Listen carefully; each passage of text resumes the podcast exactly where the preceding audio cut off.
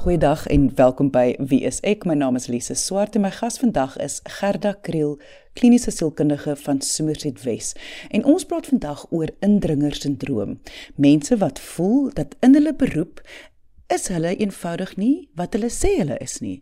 Hulle voel dat dit wat hulle bereik was toevallig geweest of dat daar bedrog was of dat hulle hulle is net nie so goed soos wat hulle sê hulle is nie en iemand gaan dit enige oomblik uitvind.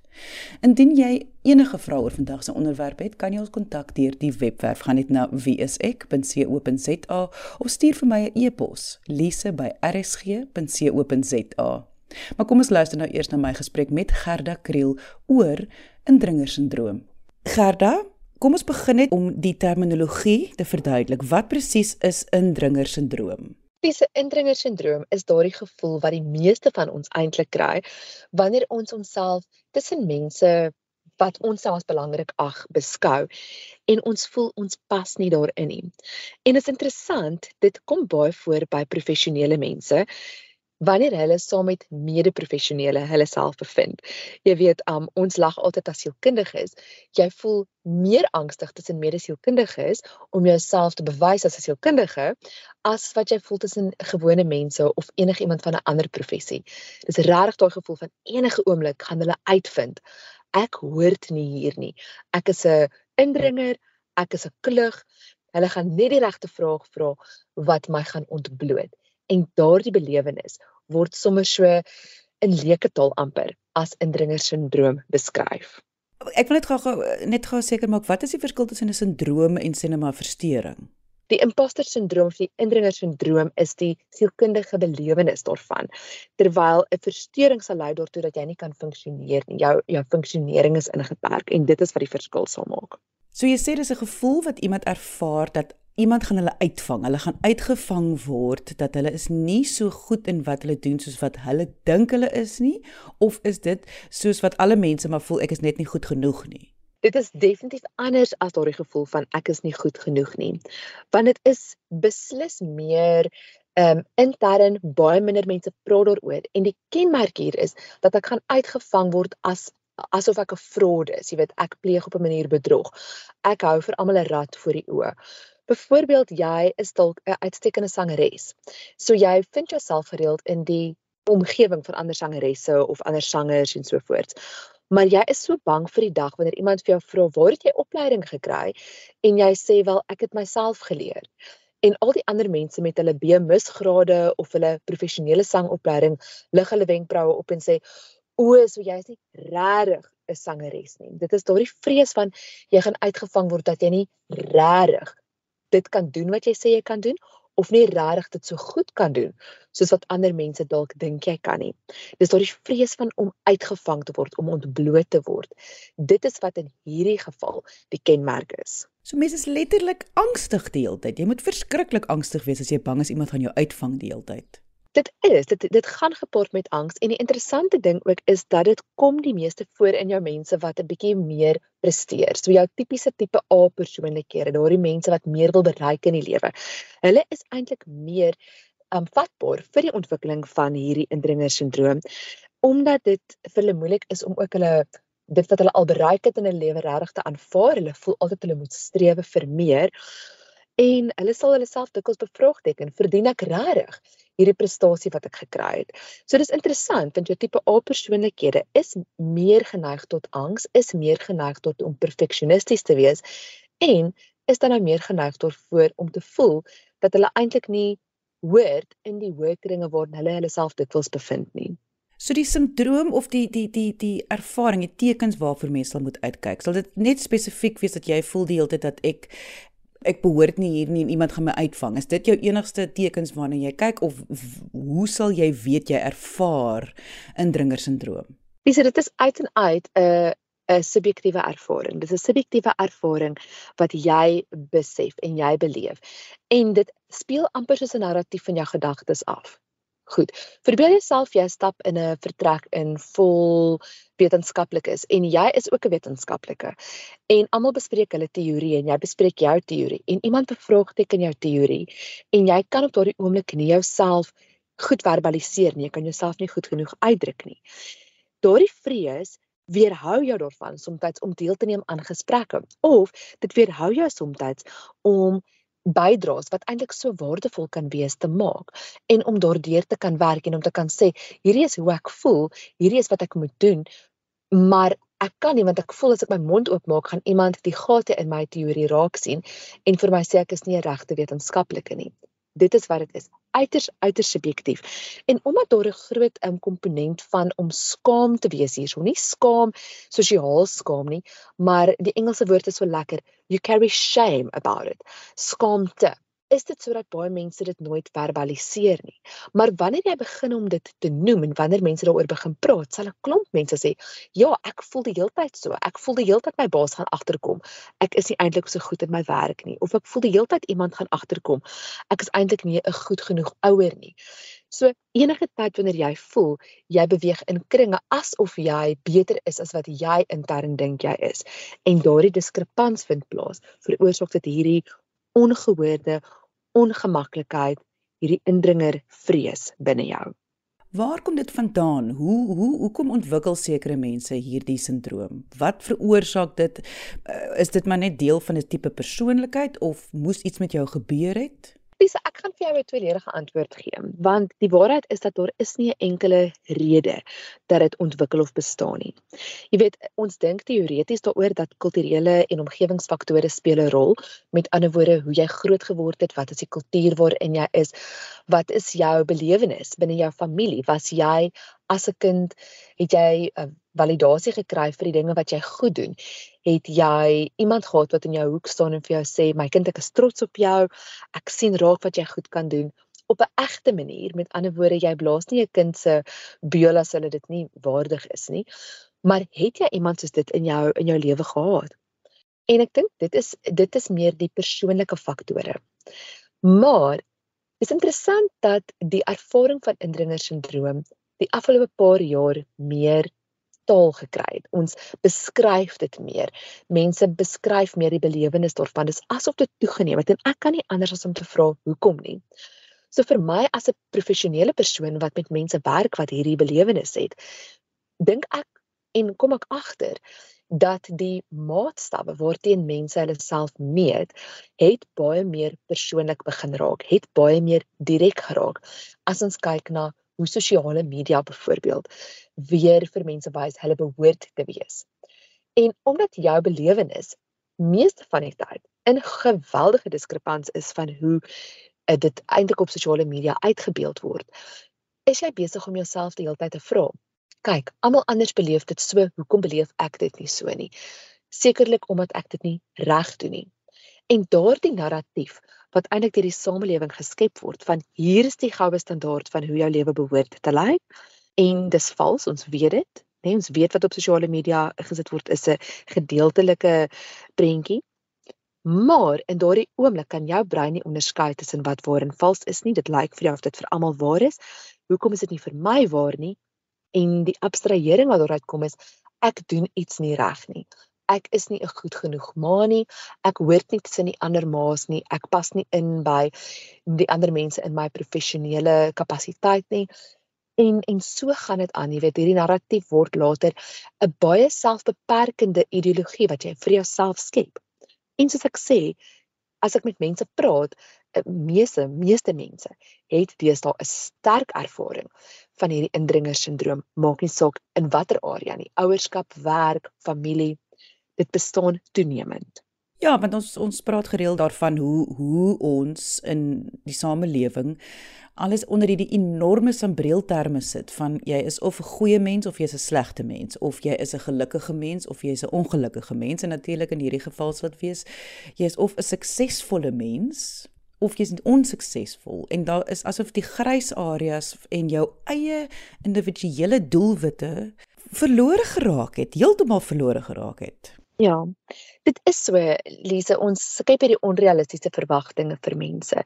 En dit is vir my jammer dat die idee van sukses so homogeen geraak het terwyl dit eintlik 'n baie persoonlike belewenis behoort te wees. Gerda, as iemand dan nou so voel en nie heeltemal bewus is daarvan nie. Dit voel vir my soos ek nou vroeër gesê het, die angs moet so groot wees, maar hierdie is tog sekerlik ook 'n rede hoekom uitbranding so erg toegeneem het deur die jare. Absoluut. So as ons kyk na die karaktereienskappe van indringersindroom, dan sien ons dat mense wat dit het, selftwyfel in die eerste plek het. En wanneer hulle self twyfel, dan gebeur dit dat hulle voel hulle bydraes is nie goed genoeg nie en hulle moet meer doen. So dan stap hulle in daardie ek wil sê daai hamsterwieletjie in van ek moet meer doen om myself minder te betwyfel. Ek moet meer doen om sukses te beleef. Hulle sal dan ook meer geneig wees om hulle sukses aan eksterne faktore te koppel. So hulle sal byvoorbeeld sê, ja, ek het net hierdie verhoging gekry omdat hierdie persoon afgedank is en ek hierdie rol kon kry of ek het net ehm um, as gevolg van iemand wat gehou het van my hierdie positiewe ding beleef. Hulle sal glad nie eienaarskap neem van hulle sukses nie. En in die proses wat hulle dan ook soms doen, is hulle saboteer hulle eie suksespaadjie. Hulle sal dikwels voel, okay, maar ek verdien nie regtig om hierdie sukses te behaal nie. En onbewustelik tree hulle op op maniere wat dan regtig hulle self potjie vir hulle suksespad vorentoe. Een van die maniere hoe hulle dit doen, is dat hulle vir hulle self onrealistiese verwagtinge aanstel en dan uit die plek van vrees uit eintlik hulle verwagtinge 'n lat leef. Met ander woorde, hulle sal sê hier is 'n groot vrees dat ek nie by my verwagtinge gaan uitkom nie en daarom gaan ek uitstel. Ek gaan dit nie doen nie.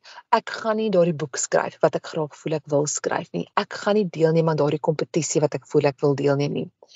En omdat hierdie hamsterwieletjie aanhoudend hardloop, die so strewe na sukses, maar die herhaaldelike jy is nie goed genoeg nie, jy kan dit nie doen nie, jy moenie dit doen nie, jy gaan dit nie kan doen nie. Daardie siklus oor en oor en oor lei dit uiteindelik tot uitbranding. En dit is waar dat ons ongekende vlakke van uitbranding tans in ons praktyke sien as sielkundiges. Mense kan net eenvoudig nie hierdie pas volhou nie.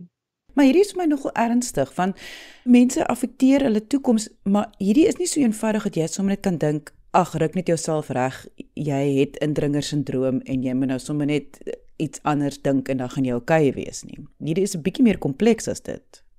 Absoluut. En die ironie daarvan is is hoe die meeste mense onbewustelik daarmee probeer saamleef is deur meer te doen, langer ure te werk, hulle delegeer baie moeiliker, hulle kan nie afskakel nie en hulle het ontsettende hoë perfeksionisme. Hulle voel hulle moet alles beheer. Die oomblik as hulle gaan beheer oorgee, gaan hulle ontbloot word, gaan hulle uitgevang word. So dit raak absoluut 'n siklus waarin mense nie kan floreer nie. En buiten vir die feit dat hulle hulle professioneel hulle self kan saboteer, kan hulle hulle gesondheid saboteer op die lang termyn. Want ons weet ook dat om in so 'n opgewekte toestand oor 'n lang tyd te leef, verhoog die kortisol vlakke in jou bloed wat jou in 'n konstante veg of vlug sit en dit veroorsaak dat jy eintlik jou bloeddruk kan sky high maak. Jy kan jou hart meer vatbaar maak vir hartvaskiektes. Jy kan jou liggaam meer insuliensensitief maak. So die impak van om in so opgewekte staat te leef oor 'n lang tyd het nie net professionele gevolge nie, maar ook fisiese gevolge. En dit is ontsettend belangrik dat mense dit besef. Hoe jy daarmee probeer um hantering maak, wat jy probeer doen met hierdie indringersindroom moet eintlik wees die teenoorgestelde van wat die die instink is. Die instink is werk harder, bewys jouself as jy net jouself genoeg bewys. Maar sodra jy dit gedoen het, voel jy weer jy skiet tekort en die siklus herhaal net homself. So moet 'n mens dan minder doen, maar ek het hierdie voel vir my moet jy liewer net 'n professionele persoon of iemand gaan sien wat jou gaan help hiermee want dit hierdie hierdie dink kan ek dink ek wat 'n bietjie aan angs ly en ek wat verstaan so 'n bietjie van om obsessief op te tree voel dit vir my nee nee nee nee nee nee, nee hierdie gaan mens nie sommer self kan hanteer nie. Nee, dit is baie baie moeilik om jouself daardeur te kry. Um en dit is goed om 'n professionele persoon te sien want die ding is wanneer jy in hierdie indringersindroom sit dan sit jy so binne die boksie dat jy jouself nie eintlik subjektief kan sien nie.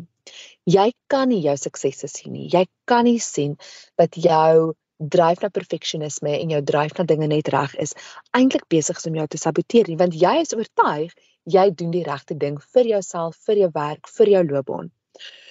So daar is sekere strategieë wat 'n mens kan doen om jou te help met indringersindroom. En ek gaan dit sommer nou met ons deel, um, want ek dink dit is goed vir ons luisteraars om te weet wat hulle kan doen as hulle voel hulle het twyfel in hulle self. Hulle is vasgevang in hierdie hamsterwieletjie van prestasie, maar hulle voel net nooit hulle pas in nie en hulle voel hulle gaan uitgevang word. Die eerste ding is leer die feite. Leer ken die feite oor die feit dat hierdie tans 'n sielkundige fenomeen is waaraan baie mense ly. Die tweede ding wat ons nie wil doen nie, maar wat ons eintlik moet doen, is ons moet vir iemand sê hoe ons voel. Goed. So dit lyk soos om vir jou kollega te sê. Jy weet wanneer ons vergaderings het op 'n maandagooggend en almal deel hulle briljante idees, ek voel asof my idees heeltemal waardeloos is. En dan kan jou kollega vir jou sê, "Is jy laf? Jou idees is die idees wat altyd die meeste aandag kry. Jou idees lei altyd tot die beste uitkomste." Of jou kollega kan net sê, "Luister, ek voel ook so. Ek voel presies dieselfde as jy." En dan kan 'n mens begin besef maar wag, hierdie is 'n gedeelde ervaring. Ek is nie alleen nie. En dit wat ek voel, dit wat ek vir myself oortuig van, is nie die waarheid nie. Die derde ding is dat jy regtig intentioneel jou suksesse moet vier. Lisa, ek weet nie wanneer laas jy enige mate van sukses beleef het nie wat jy gevier het nie. Jy weet ons beweeg net eenvoudig aan deur die lewe sonder om te stop, sonder om onsself die kans te gee om stil te staan en te reflekteer oor dit wat ons suksesvol bereik het. Maar navorsing wys vir ons dat die tipe rituele waarin ons onsself anker, soos byvoorbeeld om 'n ritueel te hê om sukses te vier, kan regtig jou ingesteldheid baie positief beïnvloed. Weet my man en ek het byvoorbeeld die gewoonte om enige tyd as ons iets positiefs ervaar, dan maak ons 'n punt of ons dek 'n mooi tafel, ons nooi vriende, ons drink 'n 'n glasie vonkel ietsie en ons maak 'n punt daarvan om te sê ons is so dankbaar en ons het hierdie ding bereik, want ons besef die waarde van om dit te vier. Die vierde ding wat jy kan doen is om van jou perfeksionisme afstand te doen. Jy moet besef, jy hoef nie perfek te wees om 'n sukses te wees in hierdie wêreld nie. Jy kan maar net goed genoeg wees. En daardie term van goed genoeg is so interessant want ons sal so baie keer sê ek voel nie goed genoeg nie. Maar wat ons eintlik bedoel is ek is nie perfek nie. En as ons besef dat perfek nie bestaan nie en goed genoeg is eintlik dit waarvoor ons moet streef, dan kan ons met baie meer deernis met onsself omgaan. En daardie selfdeernis is so belangrik om te ontwikkel vir jouself. As jy dit kan ontwikkel en jy kan na jouself kyk met deernis en sagtheid, dan klim jy nie sommer op daai hamsterwieletjie wat tot uitbranding lei nie. Nou net soos wat jy jou suksese moet vier, is dit ook belangrik dat jy kan erken wanneer jy 'n fout gemaak het. Jy kan erken wanneer jy 'n mislukking gemaak het, want ons almal maak foute langs die pad. Lise, ons almal maak foute waar ons iets verkeerd sê of iets verkeerd doen. Groot foute, klein foute, dit maak nie saak nie, maar om dit te erken en om dit met ander mense te deel, maak van jou meer mens. En ons kan eintlik nie vir mekaar of onsself opdaag op enige ander manier as net bloot menslik nie. En dan is dit belangrik, heel laaste, as jy wil werk maak van jou indringersindroom, is dat jy dit aanvaar. Dat jy dit aanvaar as deel van die lewe, as deel van jou dryf in die lewe, sodat jy nie obsessief daarvan probeer weghardloop nie, maar dat jy dit leer identifiseer sodat jy krities daarmee kan omgaan en kan sê, gaan ek nou toelaat dat hierdie vrees dat ek uitgevang gaan word as 'n bedrogspel. Gaan ek toelaat dat dit my nou keer om hierdie ding wat ek so graag wil doen te doen? Of gaan ek ten spyte van die vrees dat ek uitgevang gaan word nog steeds hierdie ding doen wat ek graag wil doen? Hierdie boek skryf of hierdie vergadering bywoon of hierdie seminar ontwikkel? En wanneer jy kan besef dat jy ten spyte van indringersindroom kan begin lewe in plaas van in reaksie daartoe, dan is jy in die volgende vlak van mens wees. Dan wil ek sê bereik jy 'n punt van selfbewustheid wat baie gesond is in jou lewe. As gevolg van sosiale media gaan ek hierdie vraag tog vra want ek kry die idee ons moet dit uh, eintlik in elke episode inbring. Mense wat besef hulle ervaar indringersindroom moet sekerlik ook net versigtig wees om dit nie as 'n verskoning te gebruik om verdere stappe te neem nie. Want net soos jy nou sê ten spyte van moet mens nog steeds kan aanhou met leef. Absoluut. En dit is ook hoekom indringersindroom so moeilik is om te identifiseer, want die meeste mense wat dit ervaar, hou tog aan met leef. Dit gebeur wanneer die interne stryd, die interne vergelyking wat jy met jouself het en die ander mense met wie jy jouself omring patologies begin raak. Wanneer dit jou begin kniehalter, jou begin ek wil sê by die knie afsny. Dit is dan wanneer jy weet jy het regtig 'n probleem. Die blote ervaring daarvan is nie noodwendig die probleem nie. Soos ek sê, ek dink 80% van mense ervaar dit. Dit is wanneer dit jou lam lê. Dit is wanneer dit jou funksionering begin affekteer. Wanneer jy ernstig werk moet maak daarvan en sosiale media, jy moet kyk na wie jy jouself mee vergelyk op sosiale media. Jy weet, Elisa, ek en jy moet moet nie onsself vergelyk met een of ander model op die loopplank nie, want ons is nie modelle op 'n loopplank nie. En ons moet onsself ook nie vergelyk ek myself met ander sielkundiges of jy jouself met ander vervaardigers nie.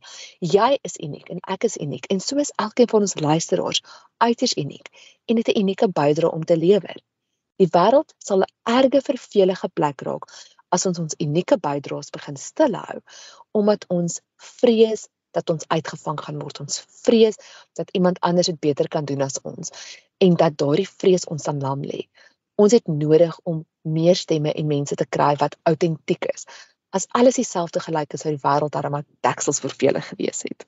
O, oh, absoluut 100%. En nou wil ek net voor ons afsluit. Kan, kan iemand heeltemal ek wil nou nie die ek wil nou die dramatiese woord genees word, maar kan iemand aanleer om heeltemal weg te beweeg van hierdie sindroom of is dit iets wat mens maar moet aanvaar gaan vir altyd daar wees en mens moet dit aanleer om dit te bestuur?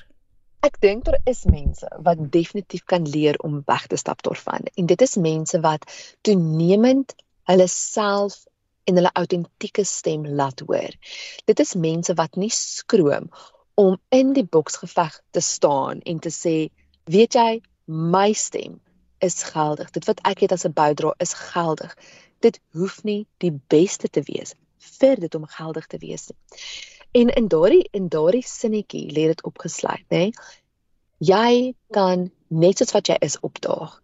Jy hoef nie beter te wees as wat jy is net om 'n belangrike bydrae te maak nie. En as jy daardie besef kan kom. En ook soos ek gesê het, vier wanneer jy suksesse bereik, vier wanneer jy ietsie beleef en neem eienaarskap lesse van jou suksesse en jou tekortkominge. Eienaarskap, glo ek, is die teenvoeter vir indringersindroom om te kan sê ek eien hierdie eienskappe van myself. Ek vergelyk dit nie met iemand anders nie. Ek probeer myself net iets anders maak as wat ek is nie. En op daardie manier kan jy deur dit groei. En as jy dit kan identifiseer wanneer dit wel opduik, maar jy laat nie toe dat dit jou affekteer in terme van jou gedrag of jou gedagtes nie, dan sou ek sê, het jy meesterskap daaroor ontwikkel, ongeag of dit nog in jou lewe is of nie. En dit was die stem van Gerda Kriel, kliniese sielkundige van Somerset Wes. Indien jy enige vrae het, kan jy ons kontak deur die webwerf gaan net na wieisek.co.za of stuur vir my 'n e-pos lise@rsg.co.za. Dankie dat jy vandag ingeskakel het. Ons maak weer so. Volgende Vrydag 12:30 hier op RSG. Jy moet 'n heerlike naweek hê en onthou, kyk mooi na jouself.